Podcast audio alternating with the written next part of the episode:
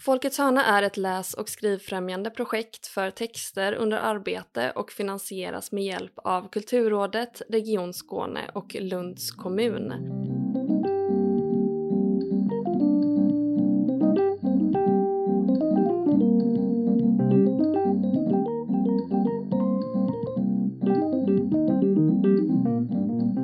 Och välkomna till Folkets hörna, en podd om den skrivande praktiken. Mitt namn är Agnes och eh, som alltid sitter jag med Emilia Palmén. Och idag har vi även äran att ha med oss Johan Espersson. Hej! Halloj! Du är författare. Eh, förra året kom du ut med din uppmärksammade novellsamling Djuriska. Eh, men jag tänkte att vi idag skulle börja med din romandebut, eh, Kungsbacka Ultras, som kom ut 2020. Eh, det är ju en väldigt annorlunda form på den.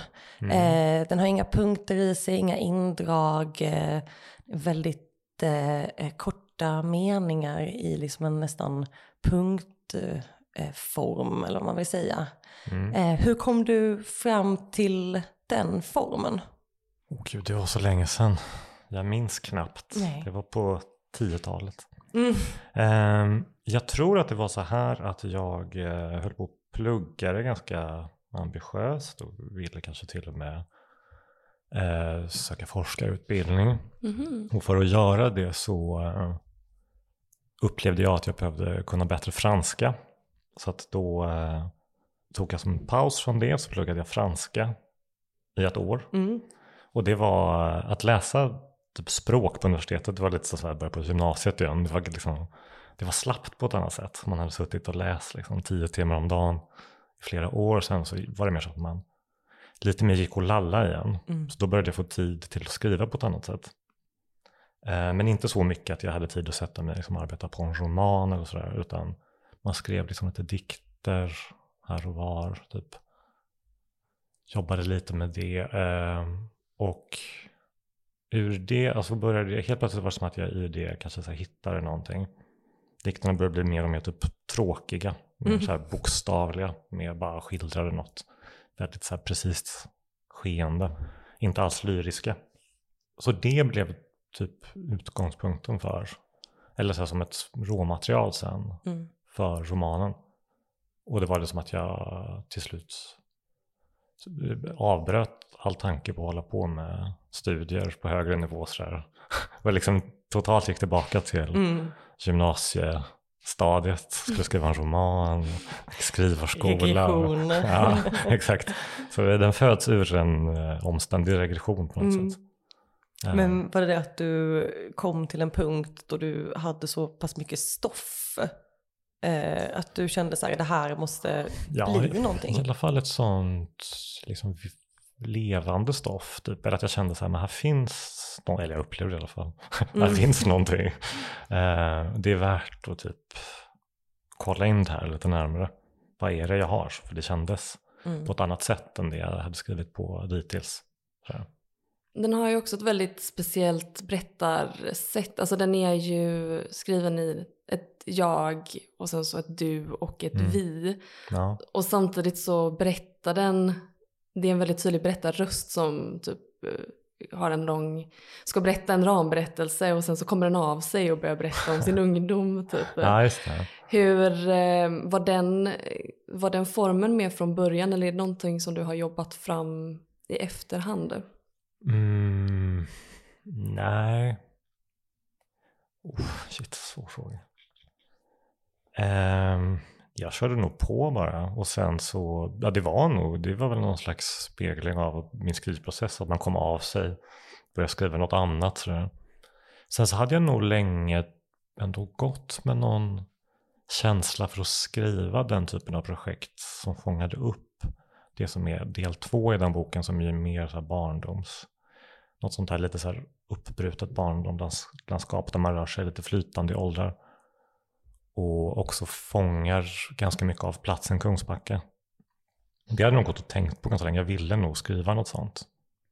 Eh, så att det blev att jag halkade in i det bara. Och sen, sen var det ganska mycket problem så där med att få det till att sitta ihop och sådär. Eh, sen när jag skickade till förlag så var det, jag kommer inte ihåg vilka det var, men som verkligen sa, ja det är bra, men den här del två, den, var kommer den ifrån? Mm. det är liksom något helt annat. Samtidigt som min förläggare som sen tog boken var så här, ja det är tack vare del två det blir kanske ett större djup i det, eller så här, Mm. djup, större resonans i det, eller så här, whatever. Och, och den delen alltså, som handlar om eh, barndom, barndom ungdom, Ja. Kungsbacka, är det det som är liksom bokens kärna då en- enligt dig? Mm. Jag tänker nästan på den boken som utan kärna. Jag vet inte varför. Jag tänker på det som en väldigt platt bok ändå. Som att det liksom är bara en enda yta nästan. Det var dumt när jag pratade om en resonans precis. Men, Det kanske ärende då? Eller ja men det är det nog. Eller det finns nog absolut liksom en... ärende låter som, det är så konstigt ord egentligen. Ja, jag fattar- men- jag fattar den, Ja. Och det fanns nog en sån, eh, ett sånt begär hos mig. Att liksom hålla på med den typen av ja, landskapsskildring nästan. Eh, Mm. Och den fortsätter jag jag också i nästa bok, novellsamlingen. Fångar jag också upp lite samma, lite samma tid och lite samma virvar på något sätt. Det finns framförallt en novell som heter Fascisterna som avslutar den boken som ju är på ett sätt skuren ur samma Mm. tygstycke som eh, Kungsbacka Ultras på något sätt. Ja, Men vi pratade lite om det eh, när vi pratade om dina böcker. Mm. Att det finns just den här typ, eh, interna intertextualiteten mellan att de Mm. blöder in i varandra en del. Mm. Eh, och att utan att det är outtalat, vissa grejer är ganska, alltså jag tänker på novellen Roma Ultras, Mm. att det finns ju med i Kungsbacka Ultras Absolut, som en mening och att man kan, man kan få den här pirret inom böckerna också, Ja. att man bara, oh här är en nyckel. Ja. Eh, och det, hur jobbar du med, med det själv? Alltså att eh, tanken på skrivandet i så fall kanske som att att man får plocka från samma erfarenheter och återanvända. Mm. Är det någonting du, du dras till? Ja, absolut. Jag tror jag gillar om man tittar liksom på kultur generellt, alltså Mm. det där som är ganska självreferentiellt har jag alltid liksom, var tonåring sådär, man lyssnar på musik, jag älskar liksom när John Lennon sjöng om andra Beatles-låtar typ. Mm. Jag tyckte det var så, det blev någon sån här solipsistisk, bara, som ett enda stor snöboll. Mm. Eh, Så jag jobbar väl också på det sättet och på något sätt tycker att det han- handlar väl alltid om att hitta energi i saker och ting. Och jag upplever att jag får ganska mycket energi när jag upprepar mig. Mm. Eh, Jag, har risk för att det kan bli tjatigt om man fortsätter men eh, Ja, men jag tänker att det beror på hur man gör det. Eh, jag Mm. upp, som jag ibland gör, men Nina Bouraoui, Mm. den författaren, hon skriver ju i princip nästan samma bok om och om igen. Eh, Att det, det är olika perspektiv, samma händelser, Mm. olika eh, beskrivningar av dem. Och att det betyder ju också att beroende på hur man gör det så kan man egentligen upprepa sig hur Ja. mycket som helst. Jo, absolut. Eh, jag tänker att det kanske främst i så fall rädslan själv. Rädslan av att vara upprepande Mm. som ligger i grunden där. Att man Det finns snabbt nog- sig. Det är abstrakt men det finns nog olika sätt att upprepa också. Om man upprepar för att uppnå samma effekt Mm. eller för att göra om. Då tror jag man är ute på farlig mark. Att då är det nog väldigt lätt att det blir livlöst det man håller på med. Mm. Men om man i varje upprepande också förskjuter, om ni förstår vad jag menar, Mm. in i någonting nytt som ändå är, ja men som liksom Roma Ultras, det är ju en liten fras som slängs ut i Kungsbacka Ultras, som också genererar den titeln Kungsbacka Ultras, eh, men som egentligen blir någonting helt annat sen i novellen, samtidigt som det finns ju den där Mm. upprepande och de är, eh, ja, dubblerar varandra sådär så, shit vad det Ja. väl låter. Vi kan väl säga det att vi sitter på kapsylen i Stockholm i eh, ett slags eh, Ateljé. ateljé slash kollektiv där, där det är lite rörelse. Ja. Ja, Eh, man får lite Ambiens. am- ambiens. Ja. Ja, nej men jag är också, ja, jag gillar också det där med att skriva samma bok om Mm. det. Jag. Tycker det är spännande med, med just skrivprocessen att du säger att på något sätt så skildrar eh, Kungsbacka Ultras själva skrivprocessen. För det känns när jag läser den som att den är skriven i någon slags typ frenesi nästan. Mm. Att det är liksom, det måste bara ut. Mm. Eh, det finns ingen hejd och det finns, man, kan, man får inte lov att stoppa sig för då kommer man stanna upp och tänka upp på vad det är som skrivs. Ja. Ja, absolut. Eh, Var det så under den skrivprocessen Ja, men det också? var det nog. Det har nog alltid varit så alla Mm. processer för mig. Väldigt frenetiskt. Um, jag har använt det som liksom metafor förut men jag tycker att det stämmer att i skrivandet så är jag väldigt mycket typ en spelmissbrukare. Mm. Alltså jag går upp varje dag och bara hoppas att det kommer idag. Lyckan. Ah. Och så, så kommer det inte så bara är man helt hålögd och bara nej. Men nästa dag lik, likt förbannat. Och så dag så bara har man hittat någonting. Och då är man typ glad. Mm. Köper blommor till sin tjej. Skuttar fram på, på gatan. Ja, ja, exakt. Och så bara hela världen upplyst helt plötsligt. Ah. Eh, och eh, ja, första boken var ett ganska långt sånt där. Det var flera månader som det satt i den där lite extatiska skrivaren. Mm. Och sen efter det så var det som att man ändå vaknade upp nykter. Så Mm. bara okej, nu måste vi reda ut det här. Mm. Vad är det jag har framför mig? Ett skitlångt dokument med bara massa spretiga sidospår överallt. Så får man räta ut det. Mm. Och det var samma när jag skrev andra boken. Det var exakt samma, exakt samma process. Att en dag bara exploderade det. Satt i tre månader. Liksom verkligen så manisk. Mm. Och sen en dag vaknade man, hade inget mer att ge och var typ ja, väldigt inåtvänd och tyckte allt var skit. Mm. Fick man utifrån det typ försöka hitta in i texten igen, börja bearbeta den. Och, ja, skapa liksom en presentabel form åt det. Så ja, så är det nog alltid. När du kommer ut ur, det här ruset då och tittar på det du har liksom eh, frammanat. eh, Mm. Kan, du fort, kan du se, alltså vad ser du i det då? Ser du liksom att det, är, att det glimmar eller är det som att man nyktrar till och så här, ha nu ska vi söka i det här och se vad som håller? Ja, men lite eller? mer den där andra Ja. tyvärr. Mm. Eh, och sen, eh, nu har jag ett väldigt avslaget, avslagen relation till allt jag skrivit. Det känns väldigt ointressant. Och liksom.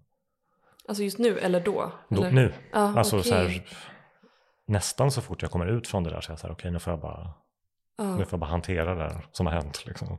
okej. för- Så nu väntar du liksom på nästa rus? Nej men det är så, jag, jag går upp varje morgon och Mm. liksom lägger in mitt bett och liksom hoppas Mm. att det och min insats då är väl tiden jag lägger Ja. och också pengar på något sätt för att man försummar att och jobba och sådana där saker. Mm. Ehm, nej men sen så i, i, i själva eh, redigeringsprocessen så, så försöker man hålla liv i det på olika sätt och där får man där får man vara, eller jag får vara lite mer professionell liksom, Mm. och försöka hitta strategier att arbeta med och sådär. Hur gör du det då? Vad har du för strategier? Ja, jag vet inte, det får man också- uppfinna från dag till dag. Men, eh, nej, men lite så om det är någonting som känns allt för att man ser typ, ja men det här tyckte jag var en jättespännande grej. Men nu är det, nu är det helt dött, ja men då får man kanske ta bort det. Mm. Och om man behåller något slags litet intresse för det, då kanske det är ganska bra. Och sen, man, ja, som ni vet, man skickar till andra, ser vad de säger och, och sådär. Sen tror jag också, det var någonting jag verkligen lärde mig av att gå på skrivarskola, att, eh, att inte jobba med text Mm. är verkligen produktivt. Att stänga av i något annat ganska länge, alltså kanske tre, fyra månader, låta någonting bara ligga Låta den där. vila. Mm. Ja. Och sen komma tillbaka med eh, lite liksom, nya ögon på något sätt. Mm. Så ja, så har jag väl också jobbat lite.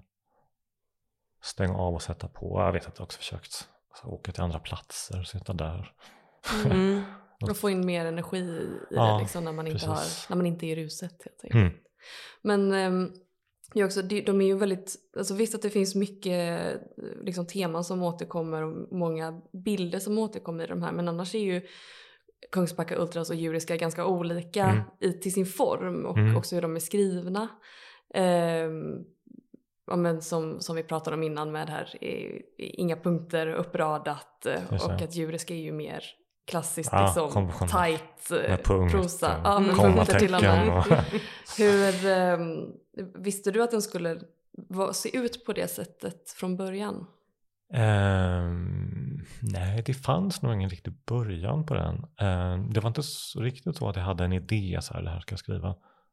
Utan det föll också över mig lite grann. Men jag började hålla på lite med en novell under arbetet med Kungsbacka Ultras. Lite liksom som ett vänsterprasslande Mm. sådär från huvudprojektet. Och märkte typ att det var just då när jag jobbade med den här mer ja, uppställningen som är Kungsbacka Ultras. Så kändes det så out bara att skriva i mer vad ska man säga, kondenserad form eller sådär. Det känns som något helt annat. Så att det känns ganska spännande att skriva vanligt. Ja. Det är väl liksom exotiskt Det istället. var det. Alltså sen Kungsbacka Ultras, det är väl inte liksom superovanligt heller. Men eh, i relation så var det ändå att det fanns någonting där som var eh, som kontrasterade så mycket mot det jag hade håll, hållit på med. Så Mm. att jag fick energi på det sättet. Men du började hålla på med, med någon novell då samtidigt som du Ja, det är en novell som jag inte riktigt har, ja den bara försvann. Ja. Den kom och gick. Okej. Som Men- ett sant vänsterprasslande. Men sen blev det ändå något bestående utav själva idén. Ja. Men hur kommer sig, ja, men hur, hur, vi, hade, vi har en fråga här som är varför novellen? Ja, det är bra. det är en bra fråga.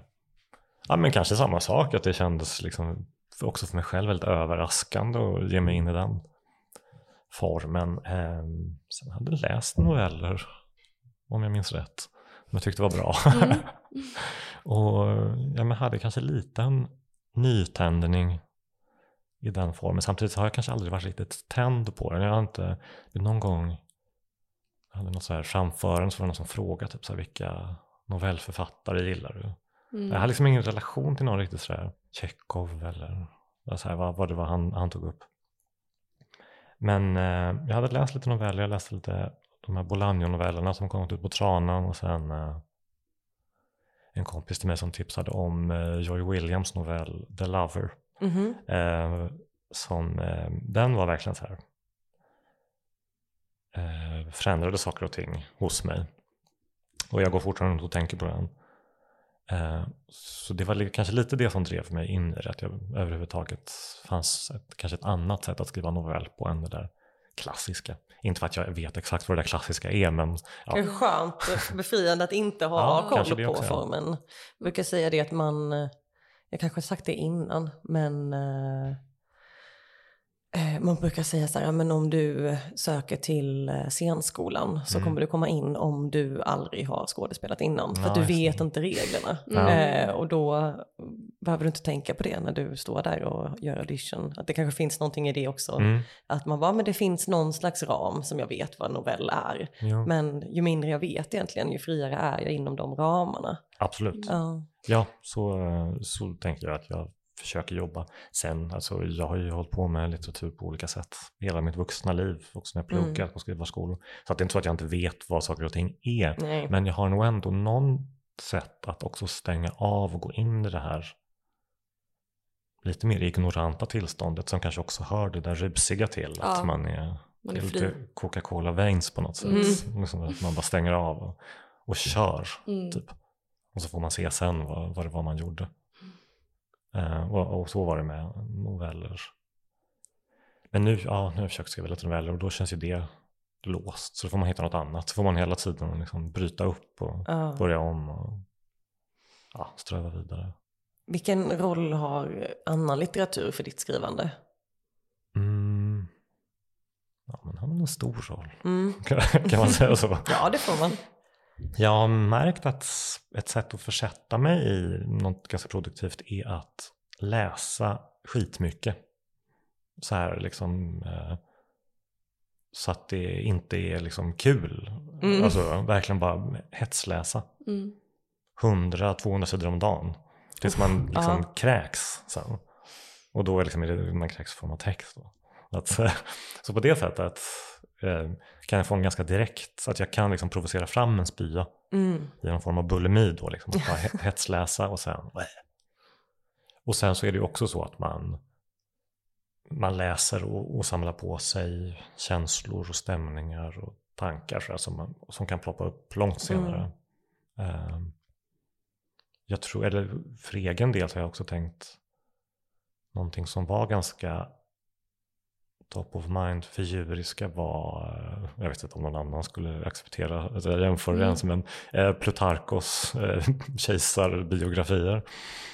Eh, och den läste jag tio år innan, Mm. typ så här. Och så bara en dag så var det som att, jag vet inte, som att jag tjuvkopplar den energin.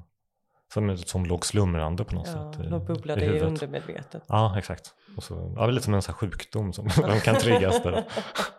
Ligger latent. Ja, som her- herpesvirus. Ja. det är ju så. Jag tänker på just att med det intertextuella att det finns en hel del också små referenser man kan plocka i dina romaner känns det som från olika... Ja, så kanske det är. Ja. Och att det, vi pratade om det, att det fanns på olika Ja, förståelsehorisonter eller Ja, jag tänkte på det plan. när du sa Coca-Cola Veins också. Att, Ja. men jag läste någon Bernur eh, recension av, alltså en Ja, recension av Ja, jag Björn läst den. Kålström. Ja, och att han, eh, Men det, det, han, ja, han säger då att jag är djupt influerad av bandet Pascal. ja, och Men det är ju massa- helt taget ur... Ja, ja, men att han har massa referenser som han Ja. då ser liksom och att då när jag läste, jag läste om Kungsbacka Ultras nu inför Ja. det här och att jag var så i slutet och bara just ja, fan Coca-Cola i ådrorna. Och så bara ah, Coca-Cola veins och så tänkte jag på att, ja, att man förstår, man ser de här olika liksom, referenserna Ja, ja. på olika så, nivåer, att jag är så på Intelligens. Tough Alliance, Tough Alliance nivån liksom. Ja. Ja, men man älskar ju det, alltså man gillar ju de här referenserna. Jag tyckte det var väldigt roligt i Fascisterna också att det är Mm. just det här. Också när det blir förklarande med att hunden är vicekonsul. Mm, att liksom, kanske spoiler, men ja. Eh, men om man tänker på djuriska och de olika novellerna och att det finns alltså titeln djuriska. Mm. Hur har du tänkt kring tema när du skrev novellerna? Oh, svår fråga.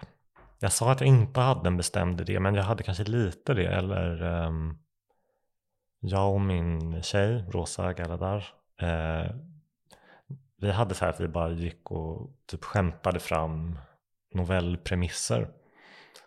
Eh, typ den som blev premissen till Min älskade älg, Mm. som handlar om det är en person som drömmer att eh, ens partner är en älg och i drömmarna så jagar personen älgen. Eh, ganska dum premiss till att börja med. En annan som är piraten som handlar om det är någon som klär ut ett får till pirat. Mm. Eh, och så då tänkte, eller jag ville att vi skulle skriva en novellsamling ihop som skulle heta Djur, bara att det skulle vara väldigt löst organiserat. Eh, och sen så ville inte hon göra det. så, eh, Då gör jag väl det själv då. Ja, precis. Det var inte riktigt meningen. Jag skulle egentligen göra något annat hade jag tänkt. Och så skulle jag bara värma upp och så tänkte jag, men har de där liksom plojidéerna? Men så, så blev det ganska spännande och kanske inte bara plojigt. Eller ja, kanske inte så plojigt ens en Mm. gång. Det kanske till och med blev gravallvarligt i vissa fall. Ehm, och då hade jag fortfarande det, det skulle bara handla om djur lite löst. Ehm, sen märkte man kanske att det håller väl inte, att det bara är djur. Ehm, så då eh, blev det kanske mer och mer att man gick in lite grann i en så här politisk tanke om djur, vilka som är djur, sådana saker. Vilka som inte är djur. Ehm, ja, vad är frågan nu? Så. Ja, det Ja. var ett bra svar Ja. i alla fall. Ja. Nej men så och sen ehm, ja, det är väl också ganska mycket bara feeling i det. Så att, eller det är mycket tankearbete som föregår allting som jag sa och sen stänger man av och så. Så finns det finns någonting i djuriska som titel och det finns någonting i novellen som kopplar an till det. Eh, och där jag är nu, som jag också avslöjade, på en ganska ointresserad plats av det projektet. Men så vet jag inte riktigt vad det är som utspelar sig där. Men Mm. Men nu du säger du får- har liksom eh, roten till eller grunden till varför du började skriva. Men när du hade, hade några noveller, Mm. alltså visste du hur du skulle gå vidare med nästa novell? Eller hade, hade du då liksom en styrd tanke kring, ja ah, här borde det komma in någonting om det här. Eller är det mer ett, eh, det här ett rus när man liksom skapar någonting och så får det hänga ihop sen ändå? Förstår du? Ja men jag tror jag förstår. Ja men det var nog, det var lite kanske lite en växelverkan mellan dem. Mm. I början så var det som att man bara kastade ut vissa grejer. Sen var det att jag försökte mer, men det skulle behöva en för balansen som är mer så här. Eh, ja, så att jag, jag körde lite båda de spåren. Eh, sen kanske jag kan känna att det var ändå det första som var bäst och att om jag skrev för att eh, liksom skapa stadga i helheten. Vilken var det? Ja, typ, ja, kanske bra, jag vet inte. Men den som okej, heter eh, Mamma i Stockholm till exempel. Mm. Sen också, ja, den som heter Troja som kanske ändå blev någon form av centraltext. Den var också lite så som jag, liksom, jag uppfann som idé och sen utförde Mm. lite mer. Så att det var på bägge sätten. Mm. Jag tänker ett annat tema som också då finns i Kungsbacka Ultras är väl den här eh, myten om, om ungdomen på något sätt. Mm. Eh, den finns ju inte med kanske genomgående men den kommer ändå en, en del av novellerna också och fascisterna då bland annat men också lite mamma att det är det här ungdomslivet Just och, det, ja. och så och Ro- Roma Ultras. Eh, Mm. ehm, vad är det som lockar med liksom Ungdomen. ungdomen? Uff, jag vet inte. Generellt tänker jag att det är ganska mycket myt. Så att jag håller på Mm. mycket med myter. Kanske, eller det kändes ett tag som att alla höll på. Eller vi hade också sådana lektioner på skrivarskolan där man skulle slå hål på myter. Mm. Medan jag var mer intresserad av att bygga myter. och så lite så här plast. Eller så här, jag var så upptagen med att bygga en myt om Kungsbacka som en helt Mm. meningslös plats. Men att jag ändå försöker liksom skapa någon form av mytisk bara stämning kring den. Ehm, jag vet att det finns i någon, å- återigen till Bolanger då, men det är någon av hans romaner. Det bara nämns att någon är från Chile. Och det är som att det bara går ett sus genom hans ord. Jag ville liksom skapa samma kring. Man vill jobba med den där lite mytiska kraften. Samtidigt som det är liksom kanske uppenbart att det man mytologiserar inte håller för att mytologisera. Mm. Och det kanske också är som ingången till uppväxtskildringen. Eller så här, det som, det som jag tror, jag vet inte det säkert, men det som jag tror att jag har farit efter där har väl varit det här som kanske verkade så himla meningslöst när man var ung. Och som, och som jag tänker på det nu så kan vara smärtsamt meningslöst. Mm. Varför fanns det så lite mening? Att det, ja men just det här, driva runt, Och att behöva spela fotboll. liksom liksom. skapa, göra mening av det meningslösa. Ja. Då. Ja, precis. Och att det, det skapar någon laddning genom att vara så urladdat nästan. Mm. Ja, jag tycker det. Alltså det blir också, jag tyckte det var spännande när jag läste den. För jag sa det till Emilia igår också, att jag kände igen mig i den. Eh, Jag är från Lund Mm. och då tänker man kanske att man levt ett visst liv där. Mm. Men är man uppvuxen i Lund eh, så lever man ganska mycket så småstadsliv, ganska långt ifrån det här studentikosa. Att jag kände igen mig så otroligt Okej. mycket i det här driva runt, småstadslivet, Mm. eh, eh, hänga på lekplatsen och typ drömmen om att ta sig därifrån. Eh, och att det är liksom i att typ mytologisera någonting som för en själv känns som meningslöst så skapar man ändå mening typ för någon annan. Och bara, men att jag Ja. bara, det här är ju, Ja, det här är ju min barndom. Mm. Eller det här är ju min upplevelse också. Ja. Eh, och att det, man håller ju det ändå så hårt om sitt hjärta. Mm. Eh, även om det är så meningslöst. Det det är fint att liksom visa upp periferin typ. Ja. Eh, och höja den. ja, och det kommer man aldrig få veta men vad om man hade haft en uppväxt på någon annanstans där det kanske fanns mer mening. Jag vet inte Mm. om det hade Eller finns det det? omförhandlat. Ja, det, det, Ja. det kan ju också verkligen vara så. Det är nog lite kopplat till politik och om tänker på vårt, för att inte gå in på det djupt, men om tänker på vårt ekonomiska system och liksom, vi har förlagt väldigt mycket mening i abstrakta värdet pengar Mm. och barndomen utspelar sig ganska långt ifrån pengar så att på ett sätt så kanske den alltid kommer ändå vara i skuggan av det som är mening på ett större samhälleligt plan. Mm. Samtidigt som det då finns barndomens typ absoluta mening för att man inte känner till så mycket så att allt man känner till är också ganska nära en på något sätt. Mm. Vilket också skapar en massa så optiska förvrängningar. Att Mm. saker kan verka liksom helt centrala för en som är helt decentraliserade i övriga världen. Som sen också kan vara, när man tittar tillbaka på det, det kan vara ganska kanske fängslande på något sätt. Mm. Jag vet inte. Just nu eh, jobbar jag inte så mycket med barndom längre. Eller så. Jag vet inte. Så eh, jag försöker minnas hur det var när jag, när jag skrev de här böckerna. Men eh, vad, eh, vad skriver du på nu? Du sa att du sätter dig och skriver varje dag Mm. men att du inte har fått Ja. jackpot än. Eh, jo, men små i jackpotar Mm. sådär. Eh, och jag har, jag har linjer, jag följer det där. Det är så, jag kan inte riktigt snacka om det tyvärr. Tråkigt svar, men Mm. ja, Det är det, är, inte redo för att Nej. uttalas. Det är helt, eh, helt lugnt. Tänkte på eh, djuriska. Eh, väntade förlaget på, på att du skulle ge ut något nytt? Eller hur? Alltså väntade de på den boken? Jag tror inte det. Nej, det var inte så att de Det var var, ja men då skriv något nytt. Eller att de... eh, Nej, nej, det var faktiskt till och med så att eh, de väntade med att ge ut första boken ett år. Jaha. Mhm. Eh, eller för att så här, den var väl i princip klar, säg i januari, februari, när det nu var 2019. Mm. Och så hade de en tanke om att det är bättre för en debutant att komma i januari. Så vi Mm. håller på den tills dess. Mm. Så det gjorde att den processen blev ganska seg. Sådär. Och så blev det att juriska, jag hade ju skrivit kontrakt på den innan Kungsbock Ultras hade kommit ut. Sådär. Mm. Jaha, okej. Men då hade du ändå... För jag tänker lite på vad det gör för skrivprocessen om man har någon som väntar på att man ska skriva någonting. Ja, det har jag inte upplevt. Nej, då är det en... Det är mer så nu kanske. Att Mm. eh, en bok är ute och jag vet inte om slash när något annat kommer. Mm. Och det var väldigt skönt ska jag säga att ha eh, en bok på G ut. Mm. Men ännu inte ute. Ett Hade bra inte tips. Ja, verkligen. Eh, För mig var det verkligen en produktiv, ett produktivt år. För att man hade verkligen typ självförtroendet då. Att man visste att det kommer en bok, vilket kändes stort. Och slapp den pressen av, och nu måste jag komma på något nytt. Mm. Exakt. Ja. Hade inte heller varit med om det där att folk liksom hade sagt något om, Mm. alltså första boken då. Just hade inte det. fått någon recension, inget av det där liksom. Just Allt det där som är obehagligt med att ge ut en bok. Mm.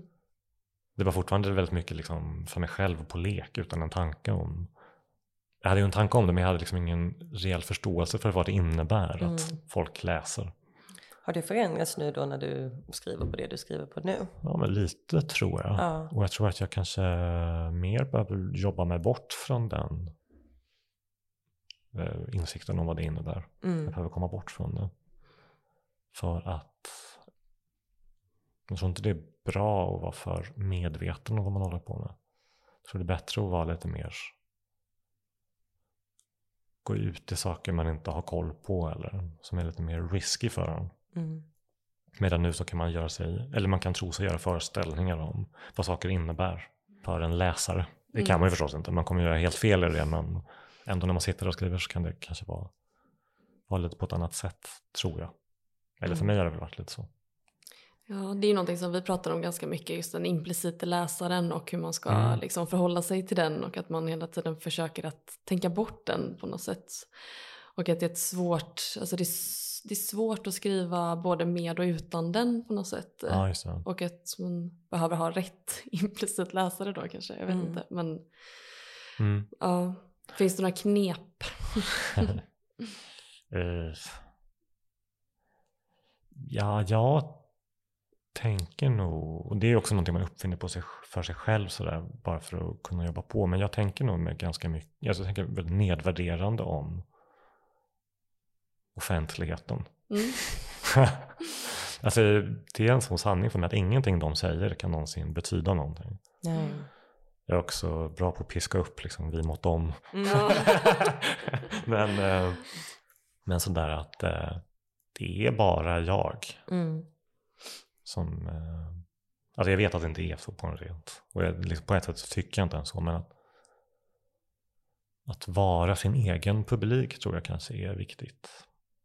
Att inte kanske skriva för någon annan. Nej, jag vet inte. Jag, jag kanske inte kan säga så. Men, Ja. men jag jobbar lite på det sättet i alla fall. Vi får se om det Mm.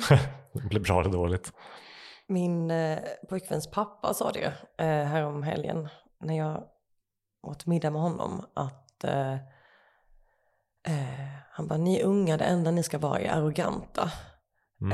Eh, och det är enda sättet att få någonting gjort kreativt. Att jag tyckte det låg någonting i det. Att jag kände Ja, att jag måste jag bli också. mer arrogant. Mm. Arrogant mot min implicita läsare Just och i det. typ det man själv skriver. Mm.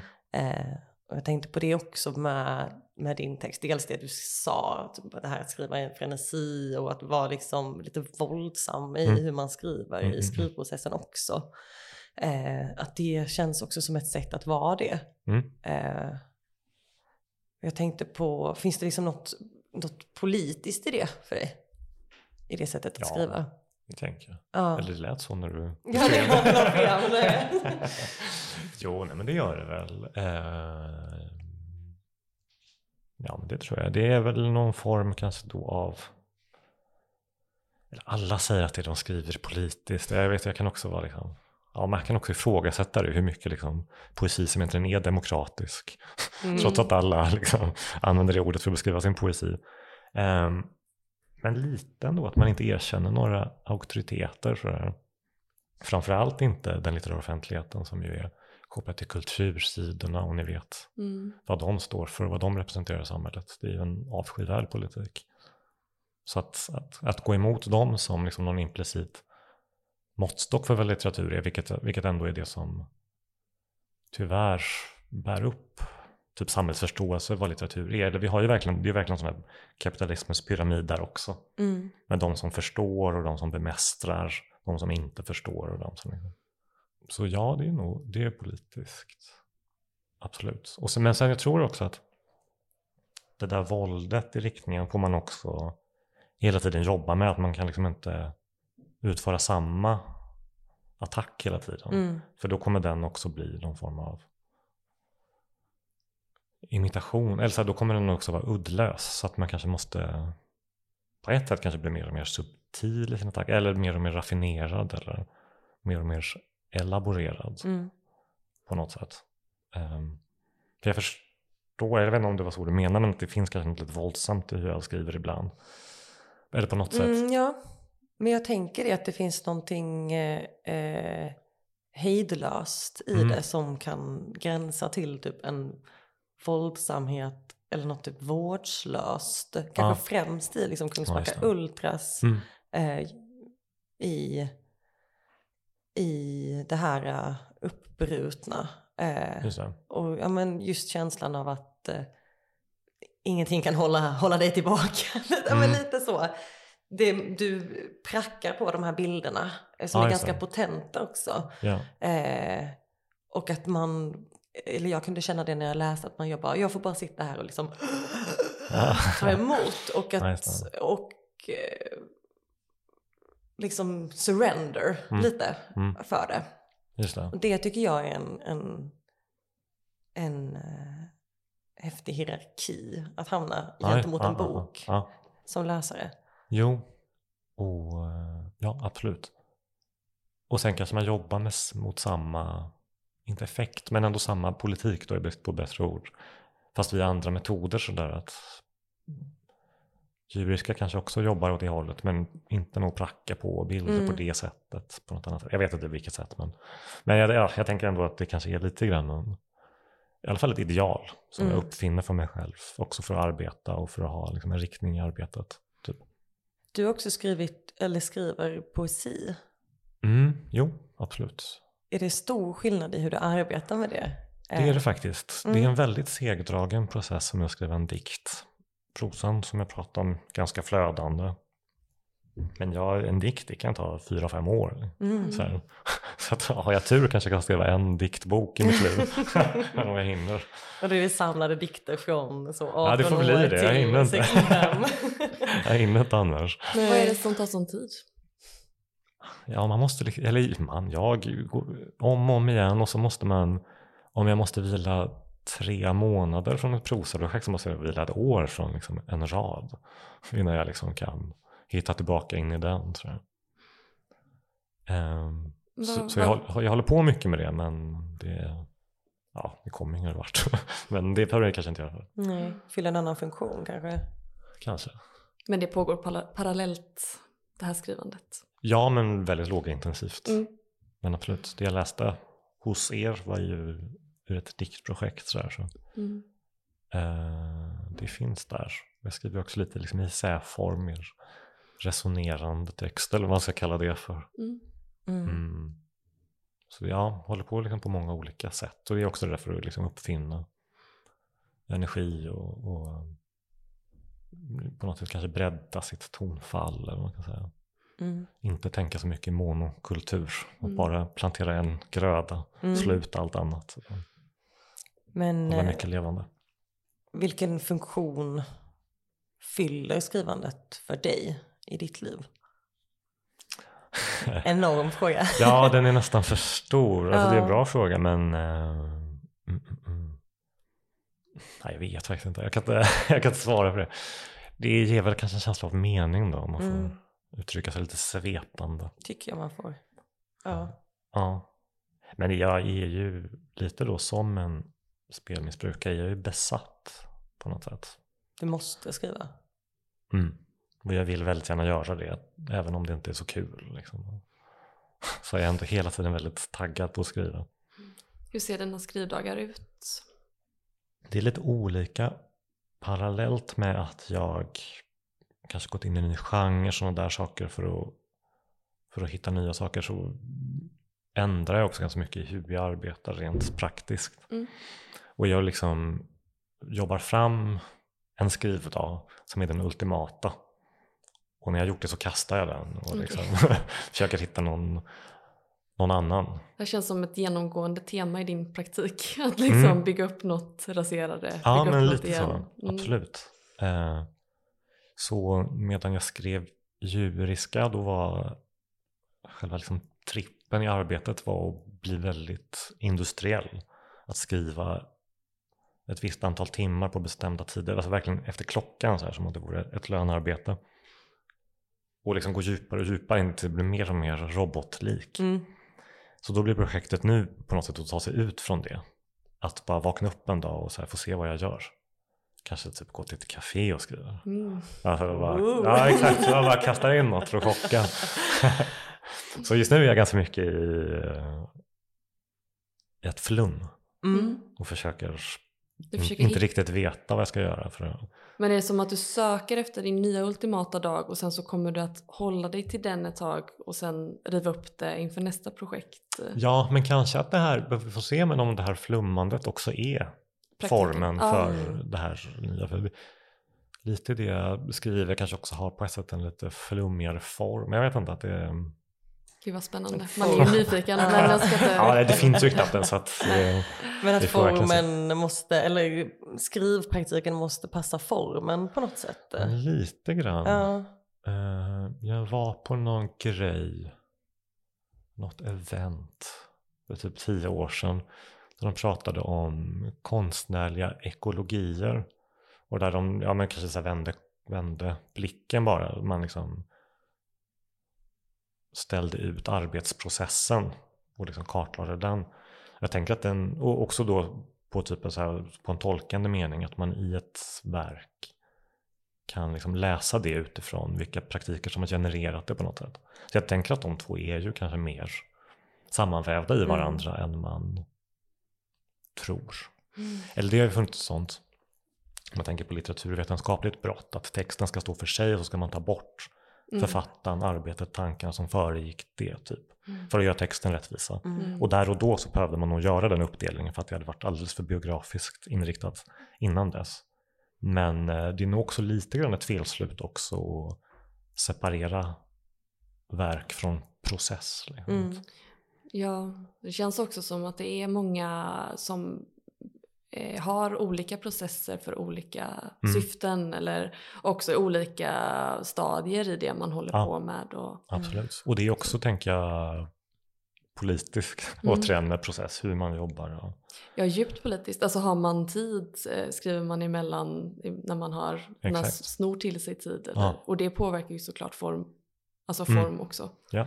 Det är som vi har pratat med många i den här podden som just skriver noveller och på frågan varför så är det just för att det, det går snabbare. Eller att Mm. det liksom Just är det. en tidsbrist som har Ja, funnits. och, en, att, en lättare överblick. ja, och att det är liksom direkt kopplat till kanske typ jag fick barn Mm. Mm. eller jag jobbade Ja, heltid. det. Att det är Ja, spännande att det finns liksom. Så kan man läsa det sen Ja. i novellsamlingen. Intressant för min novellsamling var det precis tvärtom. Mm. Att jag, Det är för mycket tid. ja, kanske ett sätt att skapa överblick. Mm. Mm. Ja, men jag tycker det är, är väldigt en skön tanke att tänka på också. Eh, för att jag, det finns också en idé om att hitta sin praktik och att man ska ha en satt praktik och när man har hittat den man Mm. hittat guldet och då är det det man ska liksom göra. Ja men nu förstår jag att jag ska gå upp klockan fem varje morgon och skriva två timmar och sen gå på en promenad Ja. och då blir det som bäst. Men att det är väldigt skönt att gå in i idén av att processen och texten är mycket mer organiska på det Ja, sättet och absolut. inte alls bunden till liksom någon så jag vet inte, senkapitalistisk idé av en arbetsdag Mm. typ och något eh, effektiviserande och liksom nyttomaximerande typ. Mm. Ja, precis, för du kommer ju skriva en viss sorts text Mm. om du går upp fem och liksom arbetar på det sättet. Mm. Och eh, rent estetiskt så tror jag också att skriva, man kan skriva samma text på ett sätt. Men du kan in- inte riktigt så upprepa samma grej om och om igen. Det kommer, vara, det kommer bli ointressant. Eh, Så att också därför så behöver du eh, experimentera också med processen för att ge upphov till andra typer av estetiker på något sätt. Mm. Behöver liksom sova skitlänge och sitta upp och skriva på natten istället eller Mm. whatever. Skriva baklänges. Ja. ja, varför, inte? Det låter svårt. Ja, verkligen. Ja, det är spännande. Jag tycker om att, att prata just om, eller ja, det är klart det är därför vi har den här podden, Mm. eh, om processen. Och så. Eh, leta i den, vad som händer när man utmanar den också.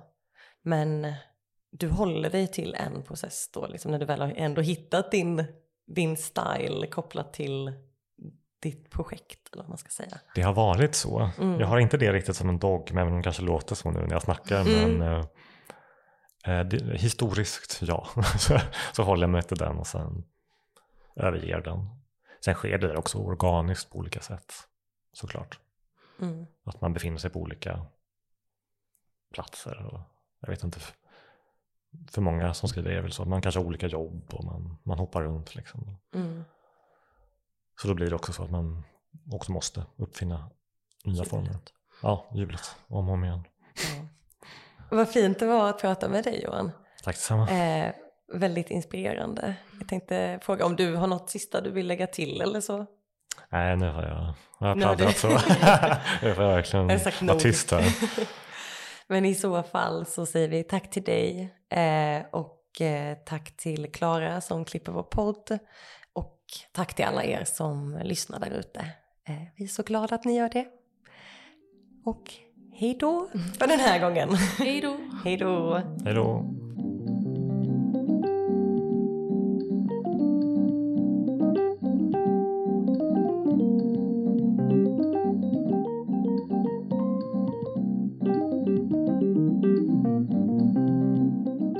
Kul att ni har lyssnat på Folkets hörna. Om ni gillar podden kan jag tipsa om vår övriga verksamhet. Nästa evenemang på scen är den 11 april i Stockholm på Stora Nygatan 7 med Anneli Jordahl. Den 19 april har vi evenemang i Lund med Josefin Skygge. Då är vi på, som vanligt på Skissernas museum. Dessutom har vi skrivworkshops för unga och sätter ihop responsgrupper för er som saknar skrivsammanhang. Ni får gärna läsa mer och följa oss på sociala medier. Vi heter Folkets hörna på Facebook och Instagram. På vår hemsida folketshorna.se finns all information samlad. Där kan man också skriva upp sig på vårt nyhetsbrev och så hittar man kontaktinformation där. Och om ni vill hjälpa oss så får ni supergärna dela, eh, ge betyg på podden i er lyssningsapp, tipsa vänner och så vidare. Eh, det var allt för den här gången. Hej då!